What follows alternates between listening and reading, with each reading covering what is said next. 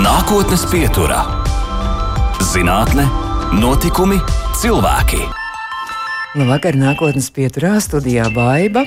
Nu, tātad nākotnes pieturā šoreiz galvenā varoņa godā celsim koku, kas mūsu pavasarī priecē ar baltām ziedu kupenām. Vasarā to augļu lutina, garšas kārpiņas, bet ziemas krājumos ir lielisks C vitamīna, kālija, fosfora, kalcija un magnija avots. Palīdz arī mazināt augstu asinsspiedienu un paaugstināt holesterīna līmeni, normalizē insulīna līmeni, palīdz vairoties labajām zarnu baktērijām. Šim kokam arī veltīta viena no Annas Sakses pasakām par ziediem kurā dārznieks to, kā savu dēlu sargāja no ļaunā ziemeļvēja, ziemā apsedzot ar baltu seģeni, bet vasarā tā zaļo ietērpu rotāja ar sarkanām pociņām. Šis skaistais un vērtīgais koks, ķirsis, Eiropā pazīstams un tā ogas uzturā lietots jau kopš 4-5 gadu tūkstošiem pirms mūsu ēras, bet Latvijā savukārt ķiršu koku esot ieceļojuši ap 17. gadsimtu. Šobrīd Eiropā lielākās saldo ķiršu eksportētāja valstis ir Turcija, Itālija un Spānija. Bet vai mums nākotnē ir cerība pievienoties simt ķiršu lielvalstu klubiņam, kādi tam priekšnoteikumi un izaicinājumi, kā arī dažos ķiršu audzēšanas un selekcijas noslēpumos, es ceru, ar nākotnes pieturas klausītājiem dalīsies Latvijas dārzkopības institūta vadošā pētniece, lauksaimniecības zinātņu doktore Daina Feldmane. Daina, labvakar! Labvakar! un paldies, ka jūs atbraucāt. Jo es saprotu, ka droši vien ka tagad ir joprojām arī jūsu selekcijas stacijām, nu, nu, institūtā, un droši vien arī ir ļoti tāds ražīgs arī ķiršu ievākšanas laiks. Jā, mūsu darba laiks, intensīva darba sezona joprojām turpinās. Un tiek vākti vēlākie skābie ķirši, vēl pēdējie skābie ķirši.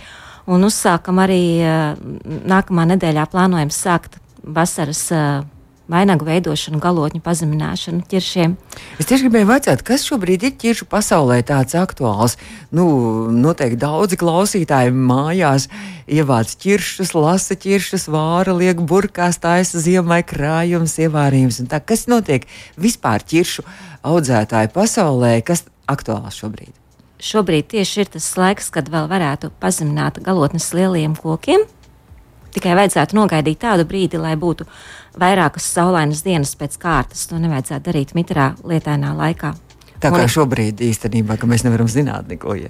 nu, Dobelē mums bija diezgan saulains mm -hmm. laiks, un arī solīja vēl vairākas saulainas dienas. Nu, Ko tas nozīmē? Pazemināt galotnes, tas nozīmē ap, apgriezt un veidot to vainagu. Kādā veidā? Ja? Nozāģēt. Mm -hmm. Jā.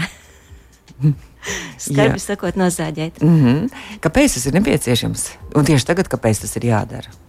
Tagad varētu vēl iegūt varbūt pēdējos ķiršus, ja tie būtu vēlie ķirši, un varētu nedaudz mazināt koka eh, vēlēšanos attaukt nākamajā gadā. Taču, ja koks būs ļoti spēcīgs, tad tas attauks arī pēc vasaras veidošanas. Mm -hmm. Bet, nu, tomēr nedaudz eh, to var samazināt, to uh, attaukšanu. Un, uh, nu, kokam jau tas uh, nav tik ļoti nepieciešams. Tas ir nepieciešams, nepieciešams mums, lai mēs veicinātu kuplošanu koka apakšējā daļā un sasniegtu ķiršu augļus. mm. un varētu arī vieglāk augļus pasargāt no putniem un citām, varbūt nelabvēlīgām lietām. Bet nu, kaut kā arī um, koks ir jāsagatavo arī jau rudens sezonai, ziemai. Kaut kas vēl tur ir jādara kokam, kaut kāds papildu mēslojums vai. vai Vai... Nu, ar tām mēslošanām ir jāteic tā, ka ķirši parasti ir ķirši mīl mērenību. Un ir ļoti būtiski nepārmēslot, bet, nu, ja kaut kas trūks, tad to var piedot klāt, protams. Par uh, vēl aktuālitātēm runājot, ka jūlijā sākumā, ja nemaldos, tika paziņots arī, ka Latvijā ir radītas jaunas ķiršu šķirnes un uh, viena ķiršu šķirne, un tieši jūs arī esat autori un selekcijas autori arī šai šķirnei. Uh, Es esmu šobrīd līdzās šai šķirnei tādēļ, ka es šobrīd esmu vadošā pētniece Dārzkopības institūtā, bet šķirnes sākumu un, un, un lielāko darba daļu ieguldīja Silvija Ruisa, kas bija vadošā pētniece pirms es sāku strādāt, un es sāku strādāt kā Silvijas asistente, un viņa veica krustošanu un pirmo izdalīšanu. Un tad es pievienojos viņas darbā, un mēs turpinājām vērošanu un vērtēšanu. Un šobrīd Silvija ir pensijā, un, un, un es turpinu virzot šo šķirnu uz reģistrēšanu. Tas nozīmē, ka tik ilgs process un tik gari gadi un pacietība laikam ir vajadzīga. Cik vispār ir vajadzīgs ilgs laiks, lai izveidotu jaunu šķirni? Nu tā, teiksim, sākot no krustošanas, kauliņu savākšanas, kauliņa izdiedzēšanas, izaudzēšanas, ražas sagaidīšanas, vairāku ražošanas gadu izvērtēšanas, pēc tam izvērtēšanas vairākās Latvijas vietās, pēc tam oficiālas reģistrēšanas, kas, kur pārbauda ilgas ārzemēs arī vairākus gadus. Tad visu tā saskaitot kopā, tas sanāk apmēram 25 gadiem. Un, ja viss tā ļoti, ļoti, ļoti ātri veicas, nu, tad varbūt 15, 20, bet nu, tā kā ķirša nav tik ļoti ātrāžīga, tad jau drīzāk jārēķinās uz to garāko termiņu. Ja un tādēļ arī, tādēļ arī selekcija ir vairāku pauģu darbs, un uh, lielākoties ir tā, ka uh, kāds selekcionārs izveido materiālu, un kāds nākamais turpina vērtēšanu, un, un varbūt kādu šķirni izveido savu mūžu ietvaros, bet atstāja materiālu nākamajam, ko vērtēt tālāk. Bet runājot arī par šo selekciju, tad jau pirms, pirms iedomājieties, uh, uh, jaunu šķirni izveidot, droši vien jau tad kaut kāda vīzija ir, kaut kāds mērķis, kādas tur īpašības droši vien nepieciešams un kādi jūs vēlētos to šķirni. Nu jā, protams, nu, tādi pamatmērķi ir tādi. Varētu teikt, kopīga selekcija, garšīgi, kvalitatīvi augļi un uh, laba izturība, laba piemērotība vietējiem apstākļiem. Uh, Un tad Latvijas apstākļos tas eh, bieži nozīmē tieši ziemcietību, labu ziemcietību. Ah, papildus nāk klāt izturība pret kādām izplatītākām slimībām, ja iespējams arī kaitēkļiem. Uh, Nu, šobrīd um, mēs visi jūtam, cik laiks ir kļuvis svārstīgs, un mums vajadzētu jau domāt uz priekšu un domāt par izturību arī tādos sausuma un karstuma apstākļos, vai arī mm -hmm. temperatūras svārstībās. Jā, starp citu, kā ķiršs jūtās, jo mums dublē šis mm. sausums bija sākumā, un tagad atkal. Uh, diezgan slapjš, kaut kā jūs teicat, ka jums saulītas spīd, kā ķiršs ah. šovasar jūtās. Nu, mums dobelē ir lielākoties mākslas vai smilšu māla augsnes, kas diezgan labi uztur uh, mitrumu.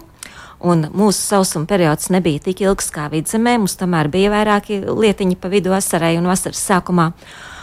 Un ķirši ļoti ātri atkopās pēc šiem lietiņiem, bet tieši tajās sausajās, karstajās dienās, tā, kad bija ļoti karsts sauss vējš, tad mēs arī vērojam, ka lapas tā nedaudz uh, sakļaujās un nedaudz apvīst. Un kaut arī augstnē mitrums ir, tomēr tas, tas karstums un sausums rada ķiršiem mm. stresu.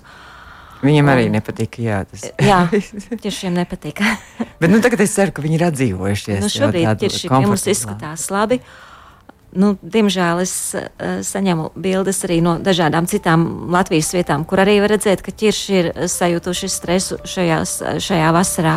Un iespējams, gan laika apstākļu dēļ, un, ja laika apstākļi nelabvēlīgi, tad arī visādas slimības var aktivizēties, un tas var būt jau komplekss stress. Mm -hmm. Bet nu, cerēsim, ka tagad atvasara būs tāda mierīgāka un ka tie varēs atgūt spēkus un pārziemot. Tā kā jums arī rakstu no prasa arī padomus droši vien arī daudz ķiršaudzētāji. Jā. Bet runājot par šo jauno šķirni, jā, jā nu tad eh, tā ir skaists nosaukums. Es varu iedomāties, kāpēc šis nosaukums droši vien, ka, ka jums arī kāda saistība ir. Nosaukums ir dots Ināra Teterava. Jā. jā. Jā, tas, ko mēs svinējām, tie bija vārda došanas svētki, un uh, tas arī tika atspoguļots sabiedriskajos mēdījos.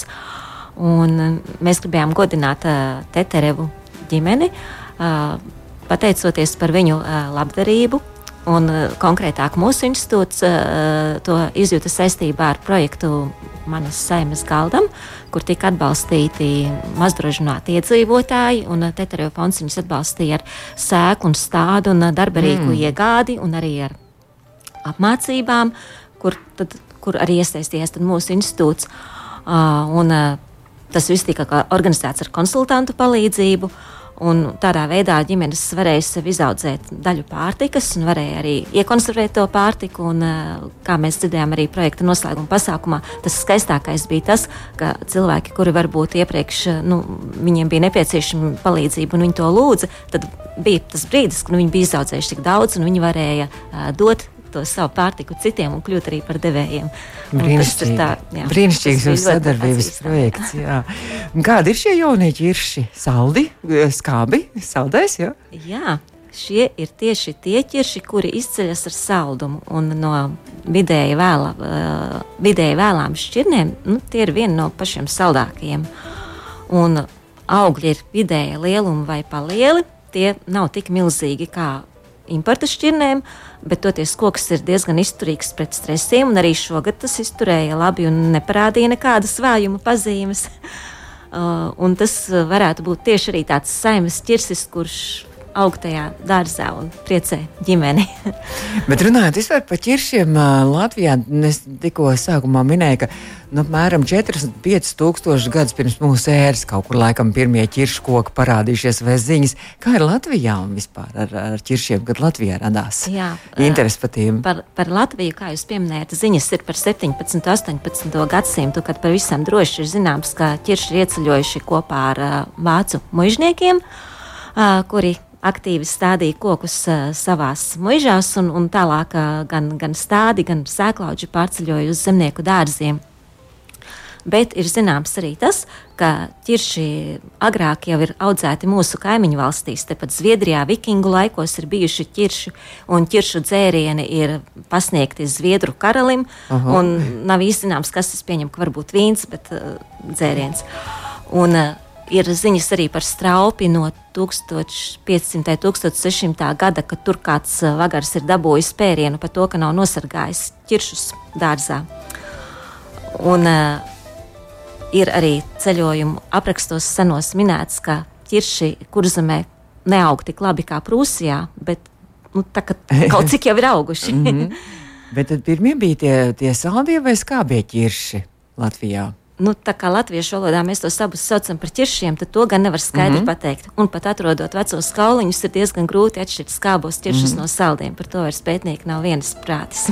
Bet runājot par, par ķiršiem vispār, par ķiršu vēsturi pasaulē, tad vai tas ir zināms, vai pirmie bija saldie vai skābie ķirši? Vai, vai tas... Pasaulē gan ir zināms, ka pirmie ir bijuši saldie ķirši, un skābie ķirši ir radušies krustojoties saldiem ķirsim ar smilšķirsi, tādā neparastā ah, krustošanas veidā. Ķirsīt, jā. jā, jā, jā, jo tā parasti viņi nekrustotos, bet gadījās tāda, var teikt, labvēlīga dabas kļūda un notika sakrustošanās un izveidojās skābu ķiršu suga. Jūs teicāt, ka no sēkliņas, kad jaunu sugu selekcionē, jaunu šķirni selekcionē, Jā. tad tas notiek no sēkliņas. Tas nozīmē, ka jūs savā dobēlas institūtā jūs no sēkliņām audzējat, vai tomēr jau tie ir kaut kādi stādi arī gatavi? Nu, lai mēs iegūtu jaunu šķirni, tad mēs savācam putekšņus, aputeksnējam ar eh, ķiršu ziedus ar mūsu savāktiem putekšņiem, tur, kur jau mums ir padomā mūsu vēlamās īpašības, mātes kokam un tēva kokam. Tad ievācam ķiršus, stīram kauliņus, iesējam un audzējam no kauliņa. Tādā veidā mēs ceram iegūt tās jaunās, labās īpašības. Bet, ja mēs gribam pavairot to koku, kas man ir un, uh, mums jau ir un saglabāt viņa īpašības, tad gan mēs to potējam uz pocēluma, nu, vai atsojam uz pocēluma. Bet, lai iegūtu kaut ko jaunu, tad mēs mm. audzējam no kauliņa. Jūs esat arī ķiršu ģenētikas pētniece. Ko tas nozīmē? Uh, nu, tas varbūt būtu drusku par skaļu teikts, jo ar ģenētiku, ģenētikas pētījumiem mūsu institūtā nodarbojās molekulārās bioloģijas laboratorijas pētnieki un vadošie pētnieki un laboranti. Un es vairāk izmantoju viņu atzinumus praktiskajā, praktiskajā darbā. Un tieši konkrēti mūsu institūtā nu, arī citur pasaulē, protams, var noteikt ķiršiem pašauglības vai pašneauglības gēnus un tādā veidā saprast, kuri būtu piemērotāki apateksnētāji turpmākai pārbaudai, vai arī kurus ķiršus mēs varam audzēt vienus pašus bez papildus apateksnēšanas no nu, ar citu šķirni. Kā Latvija vispār kotējās starptautiskajā šajā arēnā? ķiršu audzēšanas ziņā, vai mēs esam arī pietiekoši tādi respektabli? Nu, audzēšanas ziņā mēs esam mazdārziņš, protams, jo nu, Latvija nav liela valsts un arī ķiršu platības Latvijā nav lielas. Uh, bet tieši molekulārās pētījumu ziņā mūsu pētnieks Gunārs Lācis ir atzīts pasaules uh, līmeņa pētnieks un piedalās arī pasaules uh, projektos, pasaules mēroga projektos par ķiršu pētījumiem. Bet savukārt par audzēšanu, nu, protams, ka ķiršus var atdzesēt un apstrādāt varbūt ar ķīmiskām vielām un vest tālu, bet ķirši jau visgaršīgākie ir tad, ja tie izaudzēti tūmā, un tādēļ mums tie Latvijas ķirši arī ir svarīgi un dārgi mm. un mīļi, jo tie ir mums izaudzēti tūmā un apēdami tepat. nu, jā, jo tie arī jā. tomēr ar vietējiem vitamīniem un ar vietējo sauli arī bagāti droši vien arī. Jā, un ar mūsu pašu garšu un daudzveidību. Kādi jums pašai vislabāk garšo ķirši? À. Mana garša laikam atbilst manām, manai darba specifiskai, jo man pavisam godīgi man garšo dažādi ķirši. Man garšo gan tie kraukšķīgie, blīvie ķirši, gan tie mīkstie, ritīgi, riktīgi sulīgie, un tādi ļoti, ļoti saldi, un arī skābenāki un ar stiprāku garšu. Un tagad tie saldie ķirši jau ir sēsti daudz, daudz, tad pēc tam skābie ķirši arī šķiet ar tādu ļoti garšīgu skābumu. Tā kā ideāls balans ir. Jā. Ne šis auglis, auglis tā var teikt, vai oga jāsaka? Nu, precīzāk būtu auglis un Auglis. kaulenis. Mm -hmm. Joga būtu tad, ja būtu iekšā daudz sīku sēkliņu, bet ja viens kauliņš, tad ir kaulenis. Nākotnes pieturā. Turpinām nākotnes pieturu, un nākotnes pieturā šodien par ķiršiem runājam ļoti garšīgām lietām un arī ļoti vērtīgām lietām Latvijas Dārzkopības institūta vadošā pētniece, lauksaimniecības zinātņu doktora Daina Feldman šobrīd ir mūsu studijā. Un Daina, man liekas, ka klausītāji droši vien gribētu varbūt arī kādu uh, speciālistu padomu ieteikumu. Tie, kas varbūt grib savā dārzā ķirsīti ieaudzēt un, un, un grib arī kaut kad nākotnē varbūt arī ražu iegūt, vai varbūt tiem, kam ir ķirši, nu kādi ir tie kaut kādi galvenie noteikumi, galvenie priekšnosacījumi, lai ķirsis labi augtu. Un droši vien, ka Latvijā ir dažādos reģionos, kā izrādās, tur pat dažādi apstākļi.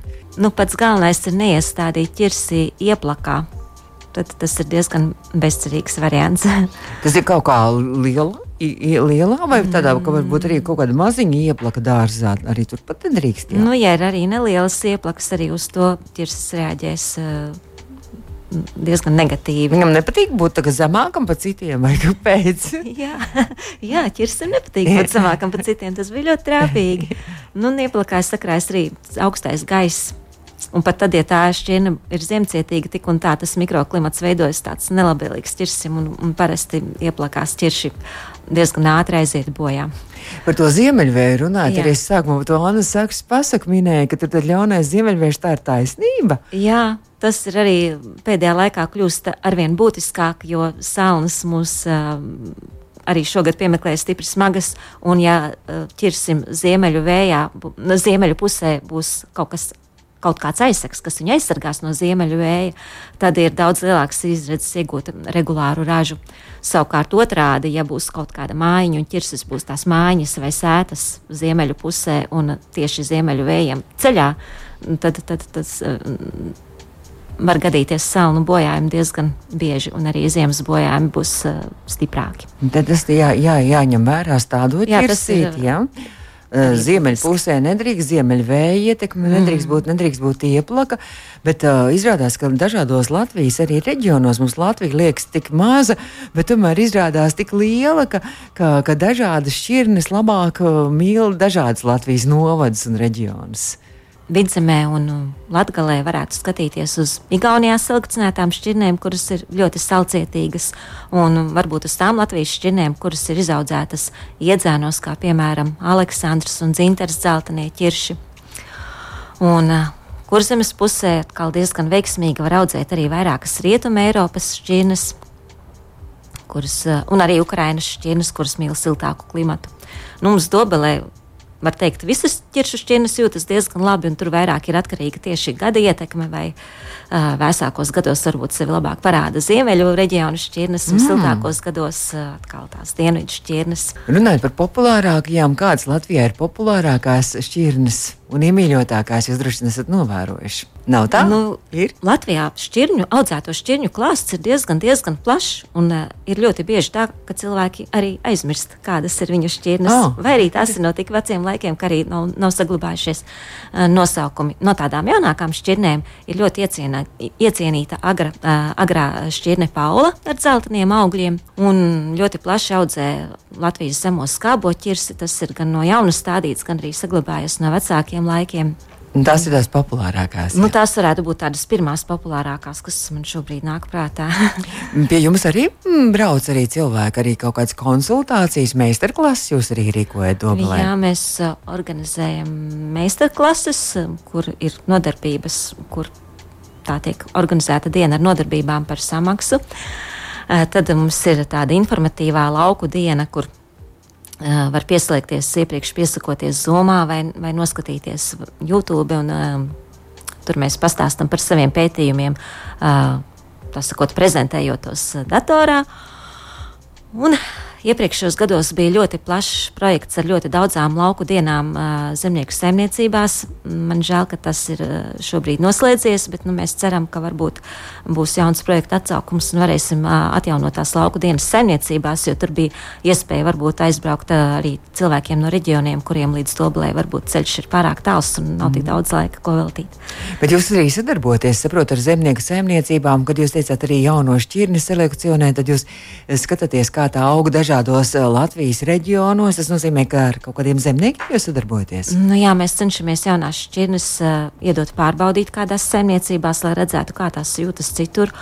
Un mēs ļoti labprāt satiekamies ar citiem ķiršu audzētājiem un uzklausām viņu pieredzi un, un, un, un, un, un, un sadarbojamies arī projektu ietvaros, jo tas ir ļoti, ļoti interesanti redzēt, kā ķiršiem iet citur. Un, un, un, mm. jā.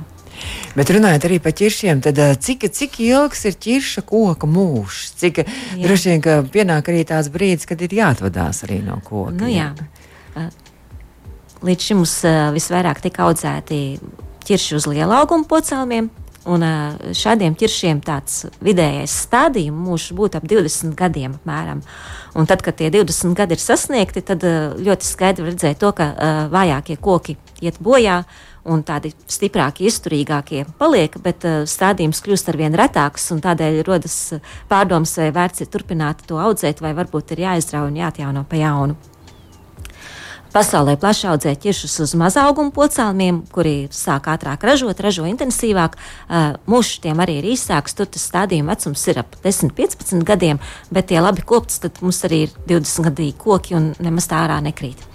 Savukārt tādi atsevišķi ķiršu koki, kuriem kur ir tie spēcīgie, veselīgie un kuriem viss dzīvē klājas labi un ir ļoti labvēlīga vieta, tie aug līdz pat 80 gadu Aha. vecumam. Nu, par vecākiem kokiem mums īstenībā nav ziņu, bet tieši arī no vairākām zemnieku saimniecībām, kur cilvēki atceras, ka vecāks tajā un tajā gadā ir stādījis to ķirsi, tad, tad ir 80 gadīgi koki, un tad kad nāk lielās svētras, tad sākās koku lūšana un, un tā. Diemžēl. Bet runājot arī par šo, mēs noskaidrojam, ka ziemeļpusē nevajadzētu un ziemeļvēja ietekmē. Vai kaut kāda īpaša arī zeme ir? Zeme tur kādai, kādai Jā. tai ir jābūt. Nu, ķirsītim. kā katrā augstskopības grāmatā rakstīts, vislabākā būtu mālsmilts vai smilšmāla zeme, tā tad tāda nepār, nepārmērīgi smaga un arī ne tāda pārmērīgi viegla un putekļaina. Bet, e, ja mums e, tāda zeme nav pieejama, bet ir ļoti smaga zeme, tad to vajadzētu pajaukt ar kaut kādu kūdru vai kompostu vai mulču, lai tā kļūtu nedaudz tāda irdenāka. Savukārt, ja ir ļoti smilšaina zeme, e, tad labi ķiršu veselību uzlabo nu, kaut nedaudz atvests māls, tajā stādīšanas bedrē ielikts. Mm. Sarkanbrūnais māls. Ja ir zilā krāsā māls, tas jau norāda uz tādām augsnes īpašībām, kas nav labvēlīgas ķiršiem, bet ar sarkanu brūnu mālu var uzlabot. Tā kā ļoti, ļoti daudz ir tādu, tādu sīkumu, kas būtu jāzina ķiršu Jā. audzētājiem, vai jāzina vēl kaut kas par slimībām, par, par kaut kādiem kaitēkļiem. Nu, par slimībām varētu teikt, ka ļoti būtiski ir saglabāt veselu stumbru, jo stumbrs ir tāds sakot, koka balsts un pamats un barības vielu un ūdens krātuve kur viņš arī var saglabāt ūdeni nebaltām dienām un kādu laiku iztikt. Un, ja stumbrs būs vesels, bet bojāta zari vai lapas, tad viņš varētu smelties to spēku no stumbra un vēl attaukt. Un tādēļ ir svarīgi stumbru nokaļķot. Un, mm -hmm. Iz, ja, ja griež zarus, tad atstāt celmiņu, negriezt līdz pašam stumbram, jo ķersim slikti augs rētas līdz stumbram, kas ir grieztas. Uh, nu jā. Un, par... un uh, regulāri noteikti izgriezt uh, kailos zarus un uh, bojātos zarus. Tas būtu tādas pamatlietas. Un, ja koks ir tāds vājš, tad nedomāt, ka atstājot viņu vāju, ka viņš saņems spēkus, tad labāk apgriezt vājākās daļas un atstāt spēcīgākās, un tas viņam palīdzēs saņemties. Uh, Nu, un slimību klāsts ir plašs, bet nu, to, to nevar izstāstīt ātri. bet nu, šajā vasarā arī ir kaut kas tāds īpašs, specifisks, kas varbūt nu, katru gadu kaut kas cits mainās un kaut kādas citas aktuālās tās slimības ir ķiršiem, vai šajā vasarā tikai tas sausums bija galvenais. Nu, es teiktu, ka šajā vasarā drīzāk sausums un nu, laputris ir diezgan raksturīgi. Jau katru gadu reti, reti kuru gadu nav jācīnās ar laputīm. Un, un reti droši vien arī kuru jā. gadu nav jācīnās arī ar putniem, jā, kas arī mīl ķiršas. Nu, mūsu pusē putnu šogad bija mazāka, bet nu, jā, putni arī vienmēr ir jābaidē vai jāapsadz, jāapsadz ķiršu koki iespējams. Vai, vai, vai tad, kad ir augstās naktis, arī tad arī droši vien ķiršu koki īpaši kaut kā jāsadz, jā, jā, jālūlo un jāmīl? Nu, ja ziedēšanas laikā temperatūra krītas zem nulles, ir jau kaut kādi mīnus divi grādi, tad, protams, tas, tas ir bīstami. Ja augļi jau ir sākuši augt, un uh, nedaudz, nedaudz jau tādi paaugušies un devuši signālu kokam, ka mēs jau esam aizmetušies un, un, un, un sūti mums barības vielas. Tajā laikā jau ķiršu koks jau kļūst izturīgāks pret, pret, pret salnām. Un, ja ziedi vēl nav atplaukuši, bet ir mazos pumpuriņos, tad arī tā izturība ir lielāka. No nu, ziedēšanas mm. laikā, nu, es nezinu, vai ir iespējams apsekt ķiršu kokus, bet mm. jā, tad, tad ir jārūpējas par. Vai šobrīd arī tur top kāda jauna šķirne? Jā, mums ir selekcijas materiāls, kas ir jaunāks, jaunāki krustojumi, ko turpinām vērtēt. Un mēs ļoti vēlētos papildināt arī agrošu šķirņu klāstu, jo arī agrās šķirnes nav īsti liela izvēle ar sarkniem augļiem, ko audzēt. Mm -hmm. Domājam arī par pašauglību. Jo vairāk kārt ir uh, redzēts, ka pēc salnām pašauglīgie ķirši arī mazliet labāk saglabā to izturību. Nu, Tā kā darba vienmēr pietiek. Jā. Un kā ar tām brīvajām dienām es jau vedinu uz nākamo mūziku. Laikam, Dažreiz, ja darbi, prasa, ja darbi prasa, tad, tad, tad, tad ir jānostrādā tās dienas, bet uh, ir jācenšas tomēr. Uh, es esmu no tiem cilvēkiem, kas uzskata, ka ir jācenšas arī uh, atstāt sev tās brīvās dienas un uh, veltīt tās arī ģimenei novēlu arī citiem, lai izdodas gan ražīgi pastrādāt, gan arī uh, saglabāt sev kādas brīvās dienas un pavadīt tās labi. Ģimenei un hobijiem. Un mēs tikko pirms rādījuma noskaidrojām, ka jūs arī pavadījāt jūlijā sākumā skaistu nedēļu meža parkā. Jā. jā.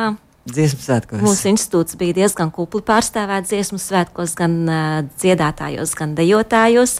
Un, uh, es esmu ļoti par to priecīga un lepna par saviem kolēģiem, ka mēs oh. tur piedalījāmies. Un, Bet tikmēr, tikmēr jūsu koki nebija greizsirdīgi. Tur arī ir milzīgs paldies manai jaunajai kolēģei Gundegai, kurā pārņēma visu darbu sarakstu un oh. palaida mani uz dziesmu svētkiem. Brīnišķīgi. Nu, bet tādās brīvās dienas es novēlu, lai tomēr arī dārzkopiem, arī jūsu institūtā, tomēr arī izdotos tās brīvās dienas arī iegūt. Nākotnes pieturā - zinātne, notikumi cilvēki. Un turpinām nākotnes pieturu. Mūsu nākotnes pieturas viesiņa ir Latvijas dārzkopības institūta vadošā pētniece, lauksaimniecības zinātņu doktore Daina Feldmane. Daina, bet uh, jūs uh, savā dārzkopības institūtā ne jau tikai ķirši, mēs tikai par, tagad par ķiršiem runājām, jums jau ir arī citi vēl visādi koki. Bet, protams, mums ir ļoti plaši pētījumi par ābelēm un arī par bumbierēm. Uh, ir uh, burvīgi pētījumi par plūmēm un jaunas plūmu šķirnes, par aprikozēm un persikiem arī tiek veidotas jaunas šķirnes. Mm. Tāpat ir ogulāji. Uh, bija ļoti liels un ļoti vērtīgs projekts par upenēm un upeņu izturību pret pumpurērci. Citi ogulāji, mm, bet, dārzeņi. Jā. Mēs tagad strādājam ļoti plaši. jums ir milzīga platība. Cik liela platība tad jums ir jūsu dārziem? M šobrīd mums ir Dārzkopības institūts darbojas divās vietās, Dobulē un Pūrē, jo kopš uh, mm -hmm. neilga laika mēs darbojamies kopā ar Pūras kolēģiem, un kopējo platības tagad varu nedaudz samaloties, bet ap 50 hektāriem noteikti ir. bet pūrē laikam vairāk uz tiem māboliem laikam ir specifika, jā? N nē, tiek vērtīgākās un būtiskākās augļu koku kolekcijas tiek glabātas gan dobelē, gan pūrē, bet pūrē tieši izteikti strādā ar dārziņiem. Oh. Ar dārzeņu ģenētiskiem oh. resursiem, ar vietējām, piemēram, ķiploku šķirnēm, sīpolu šķirnēm, ar vietējām melonēm arī, mm -hmm. jauktajiem stādījumiem, lai uzlabotu veselību un vidi. Bet kā jūs nonācāt, kāpēc jūs iemīlējāties ķiršu kokus? Nu jā. Var, Pirmais ķiršu koks, ko es atceros, laikam bija ķiršu koks, kuras es spēlēju bērnībā, ciemojoties pie Omītas un Opapa. Un tas bija skaists, bet tas parasti neražoja, jo viņš bija palicis viens un tam trūka apoteksnētāja. Un vēlāk aizgāju mācīties Bulgaros un studēju arī un, universitātē, vai sāku studēt akadēmijā un beidzu studēt lauksaimniecības universitātē agronomiju. Bet tad vēl mm. man nelikās, ka es darbošos ar ķiršiem, bet varbūt ar dažādiem augļaugiem kopumā. Un tad pēc ģimenes nodibināšanas un uh, dažādiem tādiem mazākiem darbiņiem es uh, atsāku darboties. Uh, sākumā strādāju dārzkopības veikalā, un tur mm. ziemā bija daudz brīva laika. Un tad man radās doma, ka varētu turpināt studijas maģistratūrā. Un tad jau bija jau diezgan jau gadi pagājuši, un, un bērni jau bija paaugušies. Atsākot studijas, studijas maģistratūrā, eh, es eh, pēc neilgas šaubīšanās nolēmu, ka maģistra darbu gribu izstrādāt Dobelē, lai redzētu visu to jaunāko mm -hmm. un mhm. labāko, kas Latvijā ir iespējams. Jo, nu, ja nu reizes tādā, tādos gados studēju, tad lai ir viss tā pritīgam. Un es apspriedos ar mm, savu pasniedzēju Mintālu Tāboliņu, kādu augļaugu veidu labāk izvēlēties maģistra darbam Dobelē. Viņš teica, nu, kādu tu gribi? un es domāju, nu, labi, tad es labprāt darbotos ar ķiršiem. Mm, mēs sazinājāmies ar Silviju Ruisu, un viņa labprāt piekrita mani pieņemt mm. maģistra darbu izstrādē. Un tā es nokļuvu pie ķiršiem, un man apsvērumi bija tādēļ, ka man patika, ka šis koks ir skaists, ka augļi ir ļoti garšīgi, un uh, zinot arī to, ka ķirši ir tādi jūtīgāki un kaprīzāki Latvijā audzējot varbūt nekā citi augļu koki, tad man likās, ka šeit arī būtu interesantāki pētījumi. Un tā arī izdevās, vai ne? Jā, un tad uh, uzsākot strādāt to maģistra darbu, es saņēmu arī darba piedāvājumu.